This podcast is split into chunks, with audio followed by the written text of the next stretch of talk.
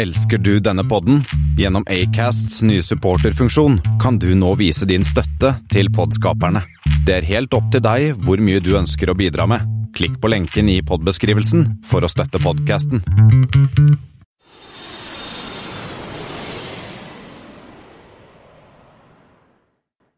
Hei og velkommen om bord på Flypoddens flight 10. Eh, som denne gangen eh, har eh, et hovedtema som er litt eksotisk. Vi kaller det for Turkish Delight. Det har blitt 11. april, og som vanlig sitter Kristian Kamhaug? og Thomas Lone her i Flypodden Studios. Ja, eller studios, ja, det er jo studios i dag, for det er jo faktisk ja, det Som vanlig er det jo er hvert vårt sted, men vi er litt lenger unna hverandre enn vi pleier. Ja, du er jo stukket av gårde til våre finske naboer.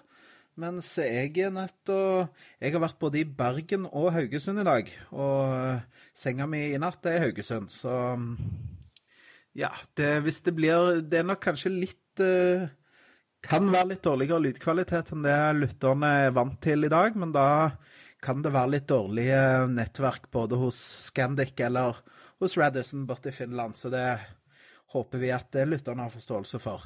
viktigste er at vi kommer ut på tid, omtrent. Ja, Kind of, sort of. Det, det, det er det viktigste. Nå er jo ikke dette Vet ikke om lytterne er klar over det eller ikke, men nå er jo ikke dette fulltidsgeskjeften vår, da, Kristian, å drive med full flypod. Skjønt det Nei, hadde men det hadde vært, det hadde vært gøy.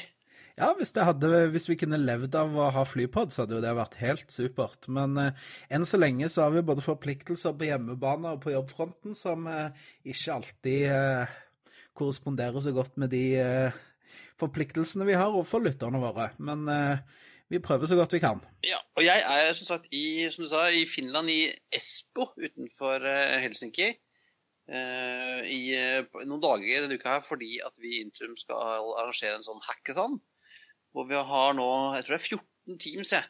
Eh, fleste finske, et svensk og et norsk eh, team med, med koder og utviklere som skal i løpet av 48 timer komme opp med noe smart eh, basert på våre, våre data. Så jeg er veldig spent. på Jeg har aldri vært på en hackathon før, så det skal bli interessant med nå de neste to døgnene. Jeg tipper at det kommer til å lukte ganske godt i disse kontor, kontorene vi har lånt hos eh, Tieto.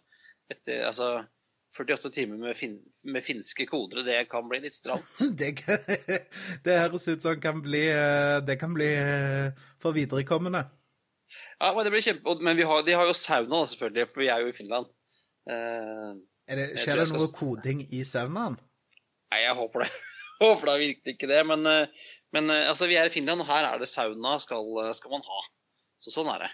Så, så de fleste kontorer og sånn har sauna i garderobe i kjelleren og sånn? Ja, altså, ja, ja, for vi skal da i morgen være i kontorene til IT-firmaet Tieto. Og de har kjøpt de gamle kontorene til Nokia eh, her rett her borte i svingen. Og de har ikke mindre enn to uh, saunaer.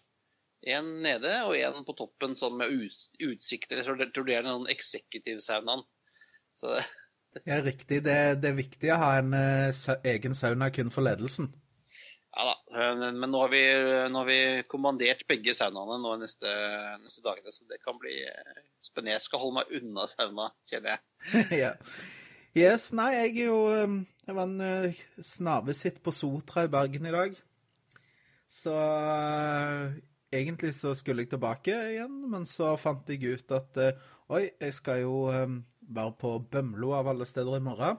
Og Da måtte jeg dra dagen før, så da, siden jeg allikevel hadde en returbillett til Oslo, så er jo kjappeste vei fra Bergen til Haugesund, når Widerøe ikke flyr det lenger. De fløy vel noe sånn Haugesund, Bergen, Florø back in the days, så er raskeste vei sånn eh, via Oslo. Så jeg ja, Det er naturlig. Ja da.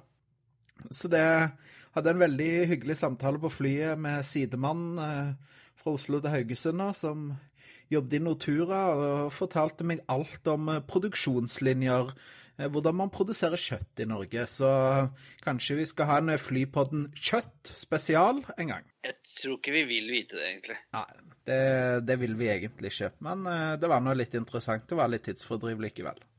Og fly, flyturen gikk bra? Du, eh, det gikk over all forventning. Eh, Kom med tidligere fly fra Bergen, kom med tidligere fly fra Oslo til Haugesund. Og alt har gått på tiden, og nå er det vår i Norge. Jeg fløy altså hit med, med SAS, eller med CityJet. Ja, En sånn CRJ 900. Jeg satt for en, for en gangs skyld på rad to, og der var det jo så stille og nydelig at kunne være nok. Eh, Men jeg, skjønner, men jeg har ikke helt skjønt, skjønt det her matkonseptet til SAS. Hadde, nå regnet jeg med at nå skulle jeg få en sånn eh, boks. ja men boksene, Eh. har ikke de blitt lagt ned? Ja, det er kanskje Jeg fikk, jeg fikk i hvert fall en, eh, en Cola Zero og en, eh, en sånn her eh, Polarrull. Det var det jeg fikk. Ja, riktig. Og sammenlignet med når jeg fløy eh, andre Når jeg fløy Finnair mellom eh, Helsinki og Oslo for litt siden i, i, i business Jeg fløy jo nå SAS Simplus, da. Eh, da fikk jeg jo en treretter og, på brett og hele pakka, så det er litt, eh, en liten forskjell. Ja, det er jo litt sånn som eh, hvis man f.eks. flyr eh, den lille timen du tar mellom Bangkok og, og Ho Chi Minh City, så er det jo full Flyr man business hos Thai, da, ikke nok med at det holdt jeg på å si, ordentlig business etter, så er det jo full oppbakning med treretters på brett og servering, og det er ikke måte på hva de klarer på den timen. Så mm, Det er Asia, det er, jo- det er litt forskjell, da. De er jo litt uh, annerledes der borte. Ja, de er jo det. Så um, det er vel gjerne ikke Det kanskje litt urettferdig for SAS å sammenligne med, med asiatiske selskaper, men uh, ja, det skal, man skal ikke se så lenger enn Definair eller Lufthansa eller andre. Eh, Fly, fly Swiss, eksempel, mellom Zürich og Frankfurt. Det er jo et veldig kort hopp i businessklasse. Da er det full eh, oppdekning med porselen og hele pakka der. Sånn er det. Men blir nok Polarrull tilbake nå, tenker jeg.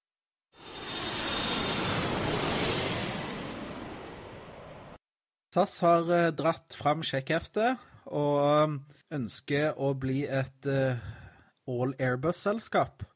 De går bort ifra disse, den lange tradisjonen med å være kunde hos Boeing, og da blir det bare Airbus A320-er på short-haul og 330, 340 og 350 på har jo snakket om at man skal ha en enhetsflåte, og en enhetsflåte i SAS påstå noen det var én av hver. Ja, ja. De har jo, de har jo både hatt Airbus og McDonnell Douglaser og, og Boeing-maskiner de siste ti årene, så de har jo på en måte kvitta seg med litt gammel moro da, nå, da. Og nå ser det jo ut som at siste resten av den gamle moroa ryker ut ganske fort. Ja, og jeg tror, som vi sikkert de fleste har kanskje fått med seg, men altså det som ble lansert i dag, eh, i forbindelse med års eh, generalforsamlingen i Stockholm også, eh, er jo at man eh, har gått inn og bestilt 50 nye A320 Neo. Eh, 15 kommer fra leasingselskapene og blir levert allerede til neste vår, eh, mens nesten 35 kjøpes rett fra Airbus. Ja, og så så jeg også at de hadde en opsjon på fem eh, ytterligere fly. Det syns jeg var litt pussig at de ikke bare klinker til å kjøpe eh, 55 med en gang, men de kjøper eller de bestiller 50 fly, og så har de en sånn liten sideopsjon på fem fly. Det hva, hva tenker du om det, Christian? Hvorfor, hvorfor gjør de det sånn? Jeg tror det kan være at de ønsker å sikre seg leveranse. Altså, nå dytter jo eh, Airbus ut eh, 320-er eh, på løpende bånd, men det kan være at de ønsker å ha en, eh, en sikring på at de, har, at de får nok levert. Men så sier jo også eh, Rikard Gustavsson sa jo også i et intervju her at han i tillegg til de som var nede nå sitt, så hadde de jo fleksibilitet til å kunne leie inn eh, få maskiner fra leasingselskaper også, så det finnes nok av selskaper fly i, i markedet. Ja. Så jeg, jeg tror nok at vi godt kan se enda flere maskiner enn det som er jeg snakker om i dag. Og jeg tror det er jo også vanskelig å si hva, hva de har betalt for det her. Eh, de oppgis jo en listepris på 43 milliarder for de, eh, for de 50 pluss eh, pluss 5. Men de har nok ikke betalt det der. Jeg tipper at de har fått en rabatt på hvert fall 30-40% og da snakker vi en 25-30 milliarder. Men det er penger, det òg. Det skal jo finansieres, dette her. Så um, jeg så jo det at de nevnte at dette skal finansieres gjennom en kombinasjon av leasing, salg og tilbakeleie fra leasingselskaper. Og så skal de finansiere noen med kontantkjøp finansiert over drift, sin egen drift. Men eh, de tok forbehold om at finansiering kan endre seg, og de har heller ikke valgt hvilken motortype som, eh, som skal være på flyene. Ja, og det som de heller ikke har sagt noen ting om, eh, er jo eh, hvilke modeller de går for. De eh, de, sier, de sier jo A320 Neo, men man snakker jo ofte om A320 Neo-familien. Jeg vil tippe at det ligger i hvert fall noen eh, A321 Neoer i den pakka, kanskje til og med noen, noen av disse her long, long range-versjonene. for det har jo Rikard Gustavsson snakket om tidligere, at de har sett på den type eh, maskiner for litt, litt, ja, litt, mindre ruter, sånn som Boston, f.eks., som ble akkurat nå bestemt lagt ned. Kunne jo vært reddet av en A321 Neo, f.eks. Ja, og sånn som jeg har sett, så, så kan jo f.eks. A320 Neo Eh, både nå Dubai og f.eks. del i India, som SAS har flydd til tidligere. Eh, så det kan jo åpne for eh, en del lengre da, og litt smalere ruter. Vi ser jo nå at i og med at de har lukka Boston, så de, de sa jo Jeg har sett masse som tyder på det at belegget har på en måte ikke vært det største. De har fulgt flyene til tider, men har flydd ganske halvtomme til tider. Da er det sånn da ville nok en 321 LR vært en maskin som hadde passet utrolig godt på en sånn type Oslo-Boston eller København-Boston-rute, f.eks. Ja, for den Boston var en sånn rute som gikk ganske bra så lenge de hadde denne um, privateer-maskinen inne. Ja. Eh, for, for business-etterspørselen var ganske bra, men du hadde liksom ikke nok uh, til å fylle på bak, bakover til at Boston skulle funke, da helårs. Jeg lurer på hva som kunne vært på en måte en fornuftig config i en uh, A320 LR. Og så snakker man uh, Med tanke på de business-setene SAS har i, i longhold-flåten sin, uh, så vet jeg ikke hvor aktuelle er de setene i en For da blir det litt kanskje én pluss én, og det er kanskje litt snaut, tenker jeg, en A320 LR. Kanskje litt flott. Men hvis de hadde ja, hatt Den derre der BBJ-en til uh, Private hadde vel to pluss to. Ja, så jeg tenker det blir nok kanskje, hvis de skal kjøre longhold med, med, med A321, så blir det jo kanskje eh, noen oppgraderte to pluss to business-setter foran. Kanskje en tolv stykker, og så kjører de kanskje to pluss eh, tre i Economy Plus. Kanskje kjøre noen seter med det, og så fylle opp resten med Economy. Så, så har du jo kanskje en 160 plass til 160 passasjerer i disse A320 LR-flyene. Jeg tror det er spennende å se om, om, om, de velger å gå for den også. For at, uh, ja, Det er på, på, den øvre enden, men vi er litt, også litt usikre på hva som skjer i den nedre enden. Uh, fordi at uh, A320-neoene har jo nå en 174 seter i SAS-immersjon. Og da er det jo større enn både 727 600 og 700 som den skal erstatte. Og ja, nesten like stor som, som 800 også. Ikke mange unna.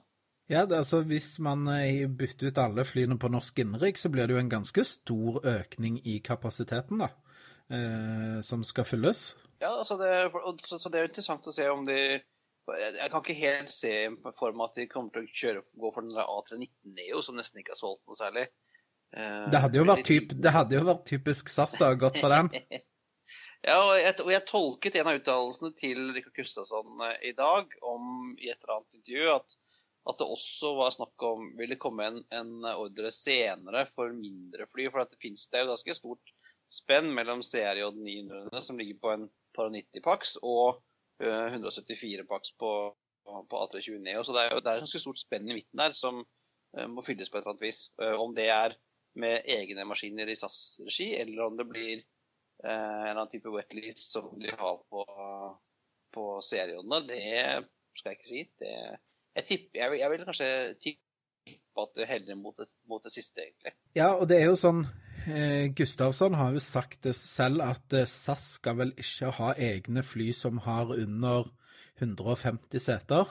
Så, så det er jo klart, eh, det er jo det blir jo et tomrom her. altså Der 600 flyr i dag, f.eks. innen Norge, opp og ned på Vestlandet og mellom eh, Tromsø og Bodø og og disse her rutene, så, så, blir det jo det blir jo noen sko som skal følges, da. Og da, da tenker jeg jo kanskje at man uh, kunne vært fornuftig tatt leveranse av noen A319 nedover, men uh, eller at de ser på en måte å få, få denne produksjonen gjennom en sånn regional. Kanskje sitte i et uh, kjøpe CRJ 1000 eller et eller annet sånt som får litt uh, større fly. Ja, så kjenner vi jo vel til et annet norsk flyselskap som, som, snakker om å kjøpe 15 jetfly i størrelsen 100, 114 pax. Oh yes. Og skal, og skal som videre øke, øke jetflåten sin, så jo snakket, har de også snakket om å kjøre wetlease. De skal jo allerede starte med, med Finnair til er det Bergen og Tromsø? Ja, og Helsinki. til Helsinki, ja. ja. Og jeg tror vel at klarer de å få det til å gå og være økonomisk, så så ikke så bort fra at, eh, at, de kanskje SAS kan kontraktere noe av flygningen sin bort til, til videre, som de har gjort tidligere også. Ja, og da, da, da, ser man at kjernevirksomheten til på en måte SAS er jo er større maskiner, men så setter man bort alt det, det mindre, som gir en større fleksibilitet på ruteplanleggingen, ved at de da kan skyfle litt rundt på enklere på kapasiteten, at de ikke binder opp sin egen kapasitet for å fly disse smårutene, f.eks. Ja. Jeg snakket med, jeg snakket med en i, i CityJet eh, i dag. Eh, og han sa at de var mer enn eh, klare for å fly mer på SAS-tid. Altså, nå har de jo ganske mange serier 900 og et par ATR også eh, i produksjon. De er åpne for mer. Og, de vokser jo en del andre steder også. så det, de var helt klare for å kunne ta enda mer SAS-jobb. Og de har jo, ja, i tillegg til seriodene, så har de jo også en del sånne gamle uh, Avror igjen.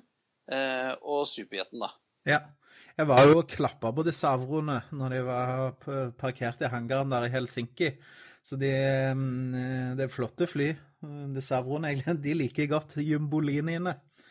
Men um, det er jo Cityet CityJet har, har jo på en måte Under City-et-navnet er jo relativt nytt, men eh, de har jo jobba med SAS eh, i mange, mange år. Det, det, går tilbake mange år, så jeg tror kanskje samarbeidsklimaet der er godt. Og hvis SAS ønsker å satse på et sånn mellomsjikt mellom serie 900 og A320, så står nok, vil jeg nok tippe at City, et av våre venner i Finland, står klar til å på en måte ta det ansvaret, da. Ja, De ligger nok veldig godt an, altså. Det vil jeg tro. Men har, ikke, har du sett noe tall på på hvordan City et gjør det sånn finansielt? Uh, nei, det er ikke de, men de sitter jo det, De har jo ikke børstøtt, så de har jo ikke noe behov for å, for å slippe de tallene. Uh, og som han sa, han jeg snakket med i dag, så, så har de jo så de har vel 12-14 avroer igjen. Og, og si at Bortsett fra at det koster litt i vedlikehold når de bryter ned av og til, men så, de koster jo ingenting å drive. Uh, de har betalt ned for lenge siden, og Um, så de har jo et par stående, som, stående i reserve. Sist jeg var i, her i Helsinki, så fløy jo Navro tilbake igjen. For da hadde Serioden uh, fått hikke. Um, så, men, men, de er sånn, de, så de, koster, de er jo pengemaskiner. Ja. Men eh, kanskje vi rett og slett skal gjøre det til en annen gang? Vi har jo gode kontakter i CityJet, og rett og slett tatt en CityJet spesial? Uh, ja, det uh, hadde vært veldig, veldig gøy. For det er jo et morsomt selskap. Eh, som driver på gøyal eh, ja, aller meste av det jeg driver med, er jo for andre. Ja. For SAS og for Brussels Airlines og litt forskjellig. Men de har jo et par ruter på eget metall, faktisk. Eh, og ellers så nyter de godt av å ikke ha noen særlige passasjerklager, som han sa.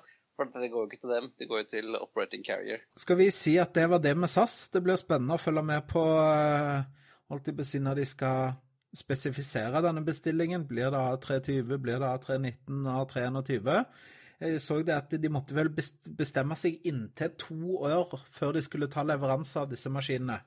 Så SAS har jo, eh, har jo litt tid på å bestemme seg, da. Men eh, to år før en maskin skulle leveres, måtte de da bestemt seg for om det skulle være en, eh, en 319, 320 eller 321. Ja, og siste av denne bestillingen skal vel leveres i 2023, tror jeg. Ja, så da kan du si at uh, innen 2021 så har vi fått svar på hvordan da foreløpig endelig SAS-flåte vil se ut. Ja, og da blir det jo uh, å vinke farvel til en god del skytterskiver framover, tenker jeg. Ja.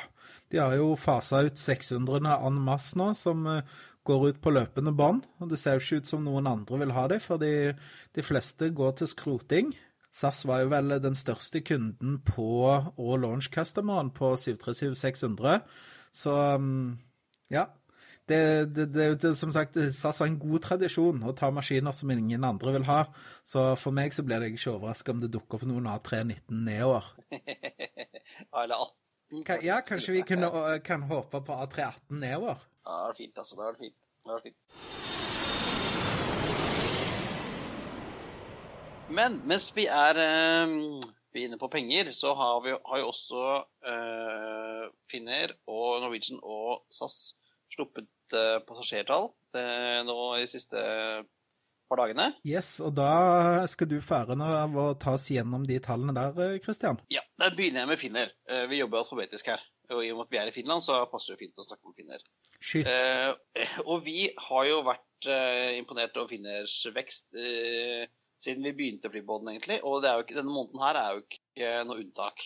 17% opp på passasjerene mot eh, mars eh, siste, siste, år. Eh, kapasiteten økt 18% og, og, og kabinfaktoren økt 3,5% til ganske imponerende 84,5 Oi, oi, oi. Det er, det er, imponerende. Hvordan står det til?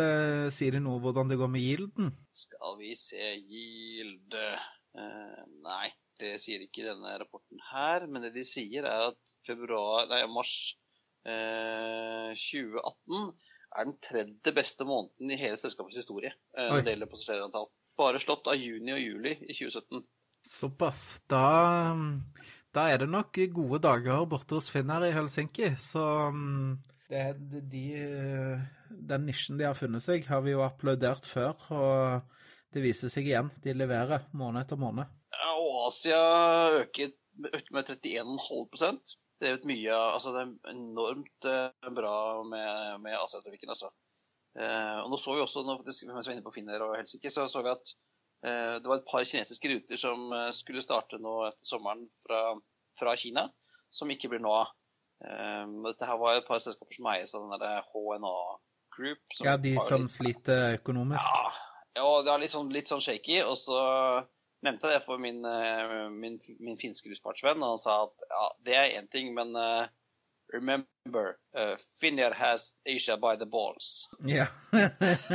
så da, du kan ikke komme her og tro du skal ta noe, noe av seg fikk fra Finnair, altså, for de har, har, det markedet ganske godt uh, i hånda. Herlig, herlig. Endte jo da på uh, 1 094 800 passasjerer i mars for Finnair. Norwegian hadde også uh, i mars 2,8 millioner passasjerer. Det var opp 15% Men altså uh, litt farlig å snakke om, om, om, økning i Norge opp og ned når det gjelder mars og april. fordi at vi hadde påsken i mars i år, og påsken var i april i fjor. Ja, Det blir litt epler og bananer å sammenligne, da. Ja, og særlig for et selskap som Norwegian, som har så veldig fokus på, på leisure, så er det jo de, de dytter jo Altså, de selger jo sydenturer i bøtter og spann. Så, så det har sånn, gjerne vært sånn at, tradisjonelt at, at for, for, Norwegian så er påsken eh, bra. Eh, for SAS er, er, påsken dårlig. Ja. Det er i korte trekk. Ja. Eh, og opp 15% eh, Kabinfaktoren også opp 2,6 eh, prosentpoeng til 86 så litt bedre enn Finnair, men det skulle bare mangle når det er den type selskap som Norwegian er. De, uh, hvordan står det til med yielden der, da? Uh, sier de noe om det? Nei, det sier de ikke noe om. Uh, men jeg tror at det har jo sånn at vi har sagt om tidligere, det her kommer til å koste. Fordi at mye av veksten skjer jo på, på long haul. Og det har vel også noe med at ja, Vi har ikke sett tallene ennå, men de har jo kommet med en, en profit warning på at Q, Q1 kommer til å bli veldig veldig dårlig. Og Det har jo Bjørn Kjos også sagt, at, at det, det, det, koster. Eh, men han eh, mener at de skal kunne eh, gå i pluss igjen når vi kommer til sensommeren. Så vi får jo vente og se.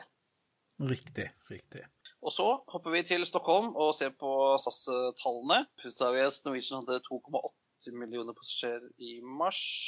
Eh, SAS hadde 2,4 millioner. Nok en gang så er Norwegian større, men det har jo som sagt igjen med, med påsken hvor, hvor SAS, eh, som er jo eh, mye mer avhengig av, av innenriks businessreisende, så vet jo du også at, at påskeuka, i halvannen uke, så jo, skjer det ingenting i Norge. Nei. Da forsvinner jo all all domestic business-trafikk forsvinner jo. Ja, så, og så er det jo litt sånn så SAS, altså de, de i, i, påsken så reduserte jo de tilbudet, så asken er jo ned. Eh, og dermed øker jo også kabinfaktoren. Um, og her, De sier jo også at Yielden var ned 3 mens kostnaden var 8 eh, Så det er jo ikke noe bra kombo, det. Men de, de, sier også at de har gjort en del justeringer kapasitetsmessig for, å, for å tilpasse seg markedet. og de har gjort, det de har gjort, Så trafikken var faktisk opp i, i mars for SAS også, og, og 2,4 omtrent 4 4,5% Men det har mye å gjøre med at de har faktisk uh, flyttet kapasitet fra uh, domestic Norge-Sverige til Sør-Europa. Ja. For å ta en del av den trafikken der også. Ja, så istedenfor to-tre rundturer fra Oslo til Trondheim, så flyr de en gang til Alicante. Og så eh, Gilden og Rask går ned, men det gjør også Kask. så da er det jo, som en skrev, at det, det, er en del faktorer som nuller ut hverandre da, i forhold til de, i forhold til de tallene der. Så det blir litt sånn vanskelig her òg, sammen samme som Norwegian. Så blir, I og med at den påsken har så store utslag i den ene og den andre retning i forhold til de segmentene, så blir det litt sånn ja, sammenligne epler og pærer. Så um, det, blir nok, det blir nok kanskje greiere å, å se på maitallene når, når de kommer. Ja, ellers får man, eh, hvis vi hadde hatt tid, skulle vi ha sett på mars og april. Ja, når, når apriltallet kommer, skal vi se på mars eh, sammen. Men det, det er liksom alt litt sånn ja. eh, vanskelig når det gjelder påsken, altså. Så da var vi, da var vi ferdig med tallenes tale. Um, vi har ikke fått inn noe fra flyplassen ennå, men uh, så fort det kommer, så kan vi se på det f.eks. i neste pod. De pleier å komme en uke etterpå, så det går nok bra.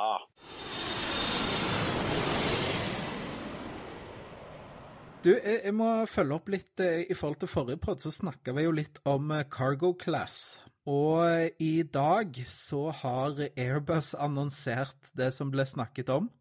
Eh, sovekupeer i cargokjelleren på, på sine langdistansefly. De har tatt med seg en god partner, bl.a. Zodiac, eh, som lager seter og sånn og lagd da konsepter som de stilte ut i dag på Aircraft Interiors Expo i Hamburg. Ja, den er hamburgeren nå, nesten. Og um, Vi skal legge ut lenker til det, for det var, så veldig kult ut. Um, og det var liksom eh, Man skulle ha litt sånn Det ble ikke som bare på en måte en eh, hvis du tenker at det ligger masse senger på rad og rekke, eh, og så er det et sånn chillerom eller sånn, eh, en tynn vegg imellom Det ble litt sånn eh, Man skulle ha litt sånn hotellaktig eh, område, og eh, det så utrolig kult ut. Så, så, Airbus og Zodiac har kommet opp med et konsept da for eh, lower deck sovefasiliteter. Spennende. Har du klar over det, kanskje? Nei, det er jo ikke det. Og så er det jo litt sånn um, Man kunne ha Jeg leste altså det var, skulle være veldig sånn raskt å bytte moduler i forhold til uh, man kunne ha en type lounge, eller man kunne ha et conference room, eller man Altså, det skulle være lett å bytte ut uh, disse modulene. Så det blir nesten sånn uh, rulle inn cargocontainere da med, med, senger, eller med en lounge i, eller litt sånn forskjellig. Kan du sånn, sette, sette det inn som du setter inn en, eh, en cargo-tegner, da? Inn og ut, liksom? Ja, det var litt uh, sånn som jeg skjønte det, så, så, så, var det det som var greia.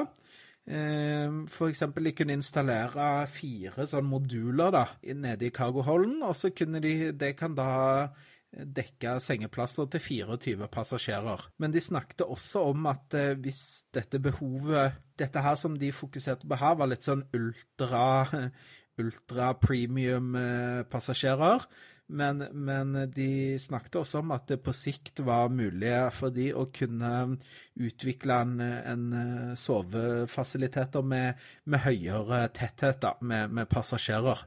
Sånn at eh, om det er køysenger eller banks eller hva det blir, det vet jeg ikke helt. Da kan du være stilleste gutt på sovesalen der nede også.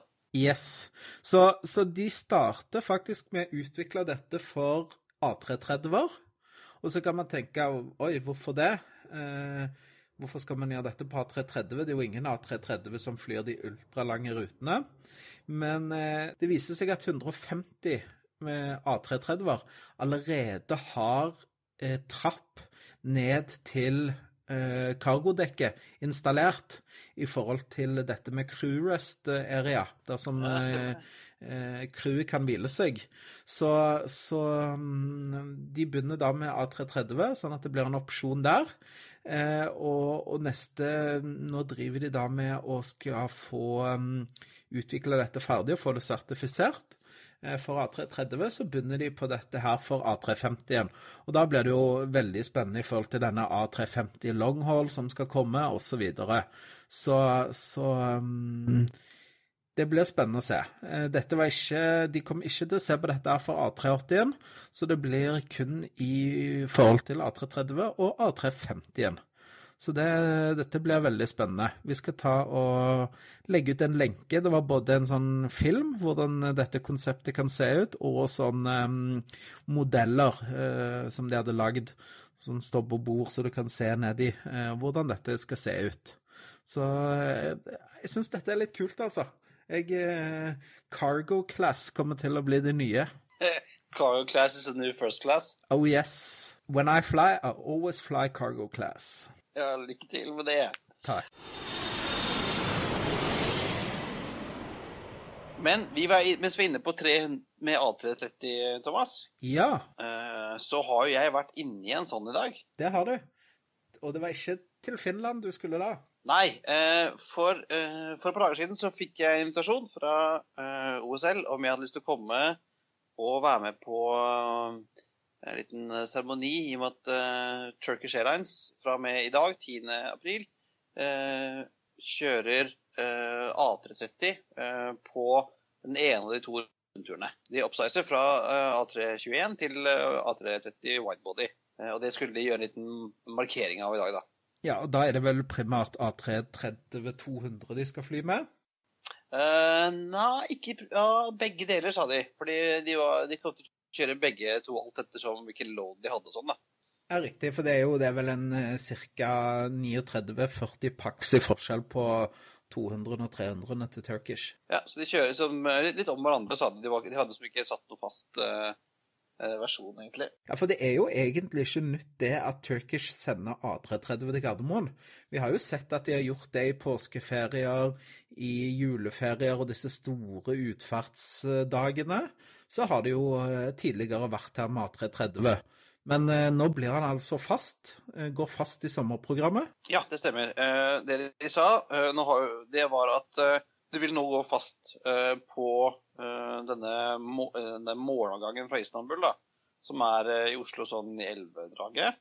Fast nå helt gjennom sommer, sommerprogrammet, i hvert fall. Og, og det gjør da at, at Turkish nå får et sånn det de kaller et helhetlig produkt. da. Hvis man reiser fra Asia til Oslo, så får du widebody hele veien. Ja, riktig.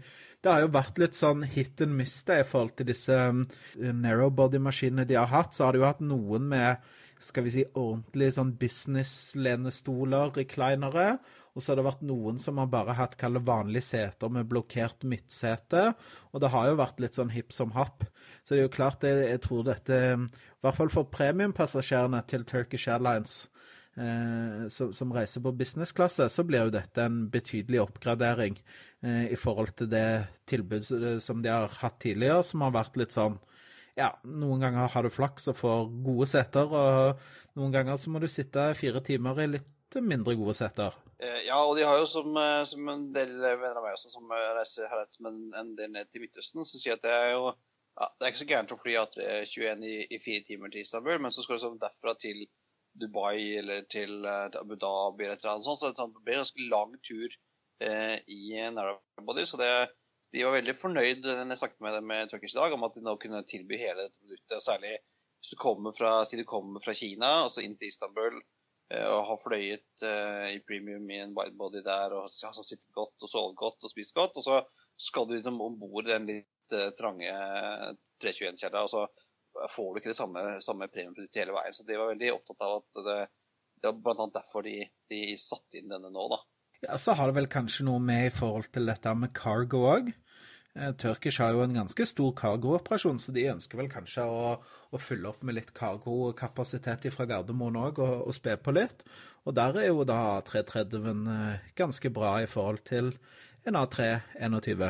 Ja, det, det sa de også, at det med, det med cargo var viktig viktig for dem, og de så mye, eh, mye, et, mye etterspørsel her som de gikk glipp av. I og med at de ikke hadde muligheten til å, til å få så mye frakt på. Og så sier de også at, at um, trafikken til Tyrkia også har økt i det siste.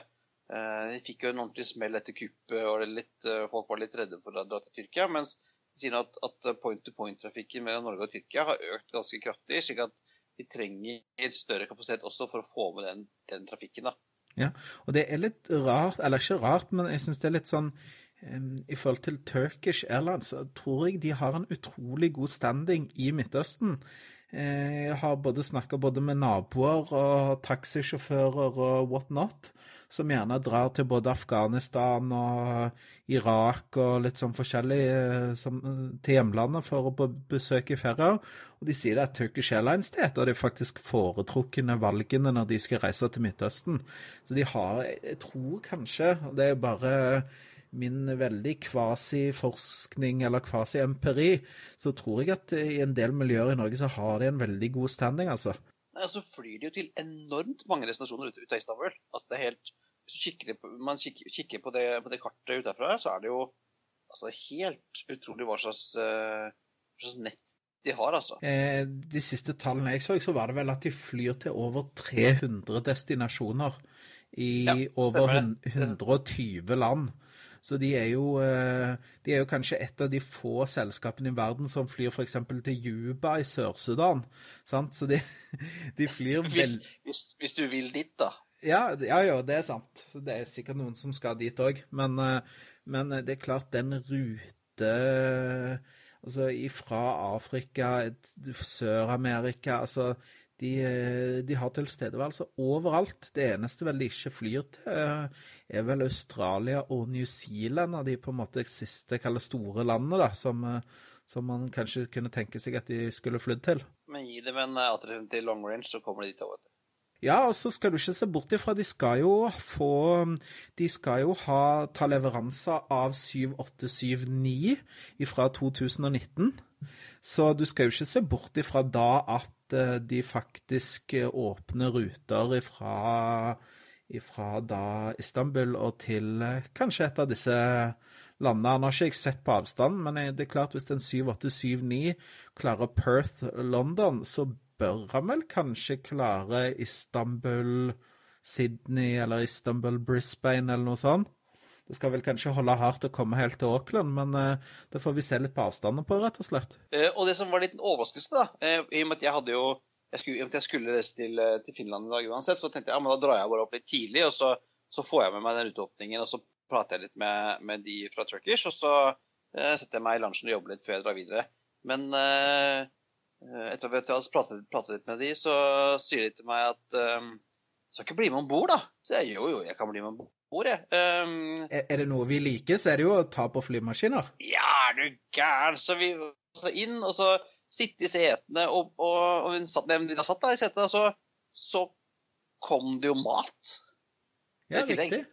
Det ble Turkish Delight og messe og eh, kebab og hele pakka? Ja, det, det ble plutselig en treretters lunsj, skal, skal, jeg si deg. Som ikke jeg.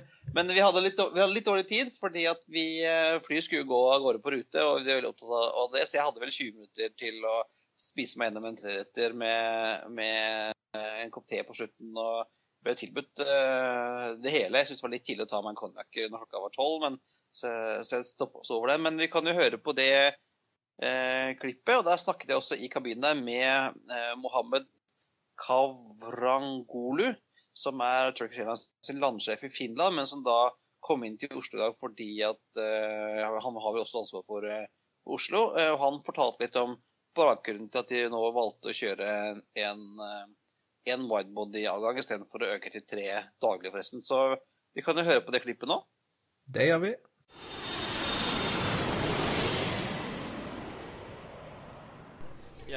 Our Airbus 330 aircrafts, uh, we basically have two types of Airbus 330s, the 200s and 300s. The, the two, 200s differ between uh, 220 seats and 250 seats, and then the, uh, the 300s, they have uh, around 279 and 289 seats on board. And this aircraft has 28 business class seats, and all of them are capable of being full flat beds. And of course, when you have this comfort and the award winning business class meal, we believe that uh, it will be a very good uninterrupted service. Of course, in our long haul, we already have this service, but uh, on the short haul, Turkish Airlines, I believe, in Oslo Airport is the first airline to introduce a wide body for a four hour or less flight. And then you get a, a, a like you said, a, a streamlined service all the way. Exactly. You you get this service all the way. Say uh, you're returning from China. You've taken a 12-hour flight, an 11-hour flight to Istanbul. You've connected in our award-winning business class lounge, which also has restaurants, all of them free of charge, chefs serving food. It's one of the best in the world. And then, but you're still tired, of course, because you've been traveling for like 15 hours. You get on this aircraft, which you will be able to enjoy another session of sleep as well. I think it's very important for especially people arriving this way because this is this will be the second part of the journey. So the reason why you're upsizing to the A330 is both in terms of getting more passengers, but also to introduce a, a better comfort. Exactly, especially on the business class. And many of our wide-body aircrafts also have onboard Wi-Fi as well. And we we know and we understand how important it is for Nordic people to stay connected, even on air. Uh, you, you, used to have three daily. Now you have double daily, but with one uh, one wide body. Why would you uh, do the the, um, the, wide body instead of doing the triple daily? We used to have 18 frequencies. The the third flight was four times a week, and uh, we decided to take that off due to network connectability, and we instead uh, our two main flights per day, they have very good connections to Asia, Europe, Africa, and uh, even some parts of South America. Uh, the reason why we introduced the wide body is we would have more capacity to these very good connecting markets. And it's, it's overall about uh, 17 to 19 percent increase in capacity and also you know, like the, the, the better comfort and also perhaps more cargo as well. Exactly, our cargo belly capacity will be increased substantially, and Oslo, Norway, in general, is a very big export market, which is also a crucial side of our business. Thank you. I think uh, I'm gonna taste your uh, your lunch now. Yeah, definitely go for it before you know it, it's warm right now. You you don't want to have a cold meal. Thank you. You're welcome. Ja, eh, og som vi hørte da i dette klippet, så var jo også Hans Olav Nyborg, som er eh, En venn av podden? En friend of the pod, eh, og mannen bak hangar.no, han var også med i dag. Han og jeg tatt sammen og smakt litt på maten, og det var jo veldig godt. Og De er jo kjent for sin gode mat. De er jo jeg må jo si det, jeg har flydd i flere ganger selv i businessklasse, for eksempel. Og de, de har jo helt de har jo blant de bedre matutvalgene, vil jeg påstå. De har jo egne kokker om bord, og det er veldig fint og flott. Så jeg tror du fikk en god opplevelse der. Ja, jeg spiste sverdfisk, og Hans Olav spiste lammekebab. Herlig. Og, det de fortalte også, det fikk jeg ikke med på klippet, men de fortalte at de, de laster jo maten i Istanbul. Fordi de er veldig opptatt av kvaliteten, og de mener at de får ikke god nok kvalitet av maten som, som leveres i Oslo. Så de laster eh, denne business class-maten på returen fra Oslo i Istanbul. Ja, et lite stikk i siden til cateringen på OSL, da? Ja, jeg tror ikke det bare var OSL. På, på, på de virket det som at de gjorde dette ganske ofte fordi at de hadde som sagt eh, veldig stort og veldig flott kjøkken i Istanbul som de mente hadde den rette kvaliteten for den maten de skulle ha med seg. Ja, men de, de, får vel Litt av greia er vel ikke gjerne om kvaliteten er god der og dårlig på den destinasjonen òg, men det handler vel kanskje om å kunne tilby et helhetlig produkt, da. Eh, og det Jeg har aldri fløyet turkers før, og jeg, eh, jeg, prøvde å gjemme meg på do for å kunne, kunne dra til Istanbul, men jeg ble oppdaget og sendt ut igjen, så Ja, så blir det jo spennende, da. Turkish flytter jo flyplass her òg. De skal jo åpne en ny superflyplass eh, litt eh, nordvest for Istanbul. Eh, eneste ankepunkt jeg gjerne har hatt med å fly Turkish Airlines, det er det at når disse bølgene som kommer inn fra Europa skal ut igjen eh, til Asia og Midtøsten, så blir det utrolig kaos i, um, i både sikkerhetskontroll og transferdesker og you name it. Så jeg tror det at um, så jeg tror det at eh, når uh, ny flyplass uh, De snakker vel om at de skal åpne nå i løpet av året. Her skal de første flightene begynne å komme. Turkish skal flytte store deler av operasjonen sin over til den nye Erdogan International, eller hva han skal hete, så blir det jo, blir det jo Jeg tror det blir utrolig bra, altså. Så det, det, det på en måte gleder meg til, for da forsvinner litt av det, an, det eneste ankepunktet jeg har hatt da, for å fly Turkish Airlines, det er det kaoset på, på dagens flyplass. Ja, de er jo rigget veldig for vekst, så det, blir, det er ikke rart at de øker på Oslo også. Så det, hvem vet, kanskje, kanskje de kjører double daily med, med widebody. Det hadde jo vært, eh, hadde jo vært et, eh, en, en first for Oslo. Ja, det hadde det absolutt. Ja, nei, faktisk ikke. Qatar har vel to daglige med widebodies i feriesesongen, tror jeg. Da kommer de med to 787-er. En litt sånn eh, på formiddagen og en litt utpå ettermiddagen, tror jeg. Så da må vi, vi må opp på tre widebodies om dagen. Da, da lukter det fugl. Ja, jeg snakker, som jeg nevnte jo også for det for han, eh, han eh, truckersjefen, at eh, Qatar øker eh, til 350 og, og, og Emirates fortsetter jo å pøse ut med seter, men ja, de var ikke noe særlig bekymret over det. Nei. De, eh, de hadde sine vekstmål, så det ja, brydde seg ikke noe særlig om, egentlig. Det er riktig. Og det, og det er jo klart, altså, når vi snakker om vekst, så har de jo De har jo nesten 100 A321 Neoer i bestilling, som begynner leveranser nå i år. De har 25 A350-er, som skal leveres ifra neste år. De har eh, 65, tror jeg det, 737 maks 8, som begynner i år. Og de har 10 maks 9, som begynner i leveranser fra neste år. Og småpene 25 787-9-er som skal også leveres fra neste år. Så de, de har jo eh, De har jo Ja, de har jo nesten nærmere 200 fly som skal, som skal leveres starte leveranse på i år, da. Så um, hvor de skal sette inn alle disse flyene her, det, det blir spennende å se, altså. Jeg skal ikke se bort fra at det, at det, dukker opp noe i Stavanger eller Bergen nå, altså. Ja, og det er jo litt sånn, Vi har jo nevnt det med at eh, om den tredje daglige til Oslo.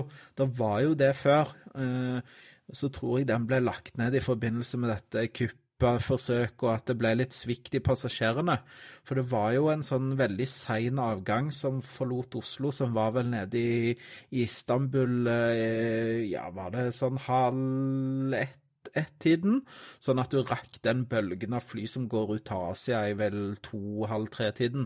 Så, så um, ja, med, med den flåteinnfasingen, eller den flyinnfasingen som skal gjøres fra Turkish sin side, så ja, skulle det ikke overraske meg stort om uh, vi i hvert fall gjerne kanskje får se Turkish i Stavanger, i Bergen, eller kanskje en tredje flight i, i Oslo. Ja, uh, og Thomas, du har gjort noe i helgen som jeg ble litt overrasket over. Du har, du har vært på tiggeferd. Ja, du var jo kanskje litt, til og med litt skeptisk til dette her. Nei, du vet, som, som teknisk eh, direktør i Flypodden, så ser jeg jo at vi har serverleie til, eh, til både mm, nettsiden vår, vi har distribusjonskostnader i forhold til eh, det firmaet som eh, vi laster opp podene våre på, osv. Så, så jeg tenkte jo da at det kanskje det var noen der ute som ville støtte oss med en tier eller to i måneden. Så vi lagde på en side som heter patrion.com, som vi legger lenke til, så er det mulighet til å støtte Flypodden da med et lite beskjedent beløp i, eh, i måneden. Og da har vi delt opp ifra det kan være alt fra sølv til diamantkortholder i Flypodden. Så vi har tatt et, eh, et velkjent eh, konsept videre, og da bygd på det. Og håper kanskje at noen ønsker å støtte oss, da. Og det er noen som har gjort det allerede? Eller? Ja, faktisk. Vi har, eh, uten at vi har annonsert det der, så har to stykker vært inne og støttet oss. Det var en som hadde lyst til å være eh, gullkortholder. Og så har vi jo også vi et sånn myteomspunnet nivå eh, som vi kaller for Føniks-nivået. Og, og da, snakker man, da snakker man store penger for, for vår side. Eh, og da var det noen som beit på det òg. Så noen har sagt eh, ja til å støtte oss med faktisk hele 100 dollar i måneden. Så det er jo utrolig flott og eh, ja, om ikke òg inspirerende for, eh, for den jobben vi skal gjøre. Og det er jo klart, hvis vi vi, vi, har jo ingen motivasjon holdt jeg på å si, å drive med dette for å bli rik, men det er klart at hvis vi får inn litt penger så vi kan bruke på ting, så, så kan vi gjøre utrolig mye moro som, som lytterne våre kan få høre. Spennende. Da er det altså bare å gå inn på flypodden.no, og så finnes det lenker der til å lese mer om, om hvordan man blir sølv, gull eller Føniks-medlem. Ja. Og det, vi, vi, er like glad i alle lytterne våre, selv om dere støtter oss eller ikke. Men det hadde vært veldig flott hvis dere hjelper oss med å støtte den daglige driften vår. Det var dagens, det var, var det var dagens anbefaling, det kanskje, eller? Ja, det var det nok. Jeg har faktisk en anbefaling til. Ja, da må du få det. Ja, og det er at uh, vi er jo veldig glad i podkaster, uh, siden vi har på egen podkast. Uh, og så har det dukket opp en ny podkast Eh, som som jeg oppdaget for en liten stund siden. Det er Taxfree-poden. Ja, og der er det Vi har jo vært inne Vi har jo hatt besøk av, eh, av Håkon Dagstad fra nettopp eh, Travel Retail Norge, som også har denne, denne taxfree-poden. Og der er, snakker de litt om, om de forskjellige ting du kan kjøpe på flyplassen. Og nå har de hatt et, et program om solbriller som inspirerte meg til å kjøpe et par Ray-bands i dag. Eh, og så har jeg blitt lovet at det skal snakkes om, eh, om vin og øl i framtiden også. Så eh, når du har hørt ferdig på Flypodden i dag, så gå inn og søk på Taxfree-podden. Kan jeg anbefale. Ja, men da tenker jeg at det er på tide å, å spenne, spenne beltet, ta opp bordet og rette opp setringen, for nå går vi inn for landing i, i Haugesund og Helsinki. Eh, vi takker for at du har vært med og hørt på oss i dag igjen eh, vår jubileumsepisode, episode 10. Eh, hvis du Ja, vi har vært på lufta i to måneder nå. Ja, det, det kjennes mye lenger, egentlig. Vi fikk som gjort dette, gjort dette i evigheter. Det, er, det strømmer på eh, fremdeles med, med mange, mye gode tilbakemeldinger. Vi får en del, del spørsmål også. Vi har fått en del, lyttespørsmål nå um, av litt mer teknisk art. Uh, og da skal vi, skal vi prøve å få svart på om ikke så altfor lenge. Vi har noen eksperter vi skal snakke med for å få liksom, det ordentlig gode inputen på dette. Um, på et annet svar fikk jeg spørsmål om hvorfor nesehjulet går den ene veien, ikke andre veien. Så det er spennende. Det skal vi komme tilbake til. Uh, hvis du har spørsmål eller vil være gjest eller vil sponse oss, så sender du oss en mail på hallo at flypodden.no. Vi finnes på Twitter på atflypodden og på facebook.com slash flypodden. Og selvfølgelig så ligger vi Eh, på flypodden.no med linker til alt vi har snakket om i dag, og litt ekstra bilder fra denne mitt besøk i, i business class på Turkish, blant annet. Så det var alt for i dag. Takk for at du hører på oss, og velkommen tilbake neste uke. We thank you for.